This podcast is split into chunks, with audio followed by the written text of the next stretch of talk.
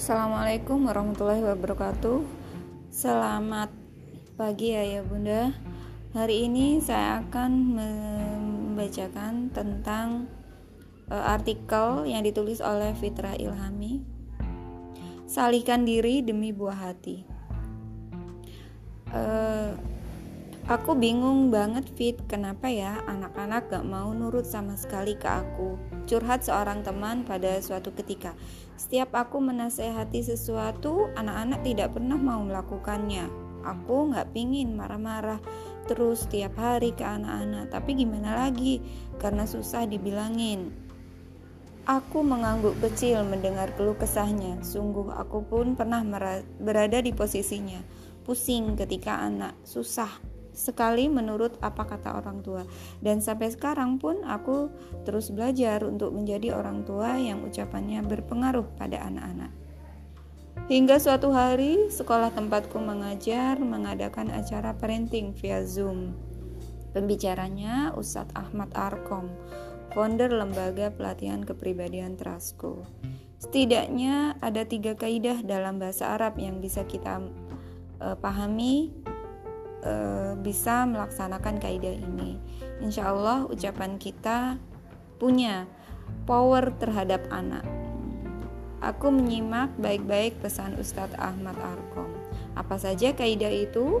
Yang pertama, an-nasu atba'ah man ghalabah.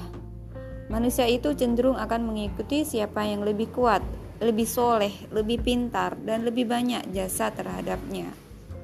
Orang tua yang ingin diikuti ucapannya, sikapnya oleh anak tentu wajib menunjukkan kelebihannya pada anak.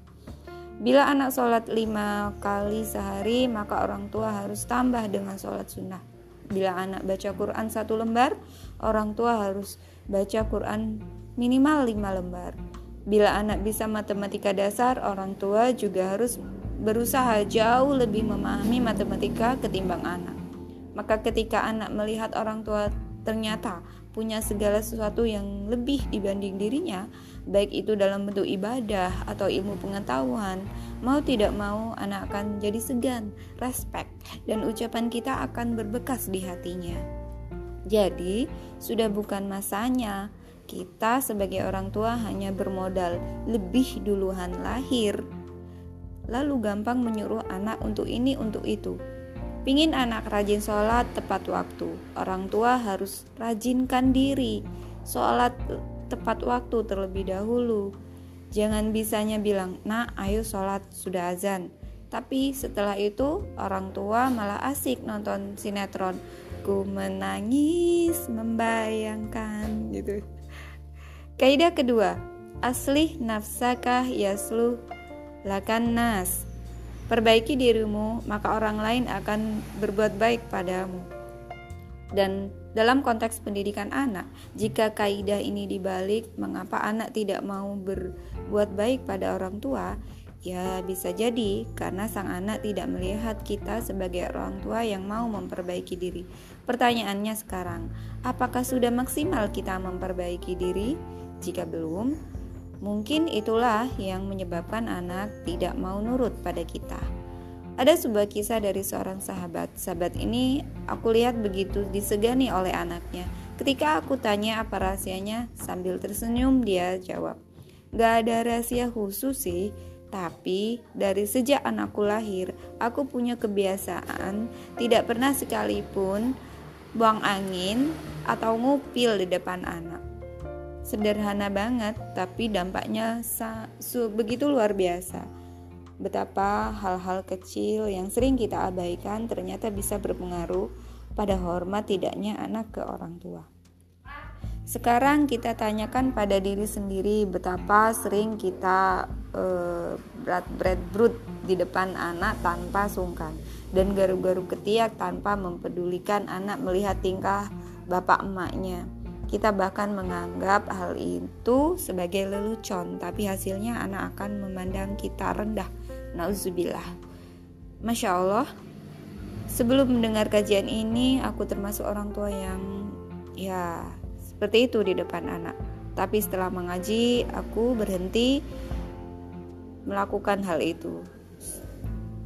Ayo bareng-bareng memperbaiki diri, karena setiap perbaikan bukan hanya membuat kita menjadi nyaman, tapi bisa membuat orang lain senang. Kaidah ketiga, kimatul mar'i biqadri ma yuhsinuhu. Nilai seseorang itu sangat ditentukan oleh seberapa banyak kebaikan yang bisa dia kerjakan. Artinya, keterlibatan kita di dalam memper, membersamai anak saat itu eh, saat dia punya masalah akan berpengaruh besar pada sikap hormat anak pada orang tua dengan selalu membersamai anak terutama ketika dia tertekan oleh sesuatu maka anak akan merasakan bahwa dia tidak sendiri dia punya tempat curhat dia punya sahabat dia punya cinta pertama di dunia ini yaitu ayah ibunya dan bila anak sudah merasakan hal ini, insya Allah dia tidak akan berbuat sesuatu yang bakal mengecewakan orang tuanya. Izinkan aku mengulang kisah Nabi Yusuf dan ayahnya Nabi Yakub. Dan semoga dari kisah ini kita akan melihat betapa solih kesalihan orang tua, terutama seorang ayah mampu mengeluarkan anak dari jerat kemaksiatan. Kisah ini kita bisa baca secara lengkap di surat Yusuf. Di sini saya akan e, memaparkan poin pentingnya saja ya. Saat itu Nabi Yusuf dijebak dalam sebuah kamar oleh istrinya raja. Istri raja itu sungguh cantik jelita. Bahkan orang sesoleh Yusuf pun tak kuasa menahan tarikan nafsu sahwat ketika digoda untuk berzina oleh sang ratu. Uh, ber Dan sungguh perempuan itu sungguh ingin sekali berzina dengan Yusuf dan Yusuf pun juga punya keinginan yang sama padanya. Lalu apa yang membuat Yusuf akhirnya selamat dari rayuan maut e, wanita itu? Jawabannya ada di keterangan selanjutnya. Yusuf akan melakukan zina itu seandainya dia tidak melihat tanda dari Tuhannya. Demikian kami palingkan keburukan dan kekejian darinya. Sungguh Yusuf termasuk hamba kami yang terpilih. Yang jadi pertanyaan pentingnya adalah tanda apa yang diberikan Allah pada Yusuf hingga beliau bisa melihat dari uh, lilitan nafs, tali nafsu yang begitu kuat itu. Para ahli tafsir Quran menjelaskan bahwa sang ayahlah tanda yang dimaksud. Jadi ketika Nabi Yusuf tinggal selangkah lagi melakukan zina dengan istri tuannya, tiba-tiba beliau melihat Nabi Yakub di samping pintu dan berteriak, "Yusuf!" Setelah seperti mendengar ayahnya berteriak, Nabi Yusuf juga melihat ayahnya menggigit jarinya sendiri. Dalam adat di daerah tinggal Nabi Yakub, menggigit jari tangan adalah simbol kekecewaan dan kemarahan. Maka kembalilah kesadaran Nabi Yusuf hingga beliau segera lari keluar kamar meski sempat ditarik bajunya dari belakang oleh sang ratu yang hatinya masih dipenuhi nafsu. Lihat betapa kesolehan seorang ayah dapat menyelamatkan anaknya dari perbuatan keji. Padahal kita tahu Nabi Yusuf berpisah dengan ayahnya ketika dia masih kecil karena dimasukkan ke dalam sumur oleh saudara-saudaranya ditemukan oleh pedagang budak lalu dijual ke Mesir. Selama bertahun-tahun Nabi Yusuf putus kontak dengan, Nabi Yakub. Zaman itu belum ada WhatsApp, belum bisa video callan. Lalu mengapa Nabi Yakub masih berkesan dan punya pengaruh kuat di hati Yusuf? Kesolihan. Ya, karena kesolehan sang ayahlah yang menyelamatkan sang anak dalam masa e, perpisahan mereka. Nabi Yakub tidak henti berdoa khusus untuk keselamatan Yusuf. Bahkan suat, ada suatu kisah Nabi Yakub sampai sakit e, matanya sampai buta kan ya. Kalau kita lihat di buku-buku siroh gitu ya. E, sekarang seberapa soleh kita beribadah? Seberapa sering kita mendoakan anak? Semoga dengan kesalihan dan doa-doa yang selalu melangit untuk sang anak, membuat buah hati kita menjadi anak yang dapat menyejukkan mata dan hati bagi orang tuanya. Itu saja ya Bunda, semoga uh, bermanfaat, semoga kita bisa menarik ibroh dari kisah ini, dari kisah Nabi Yusuf.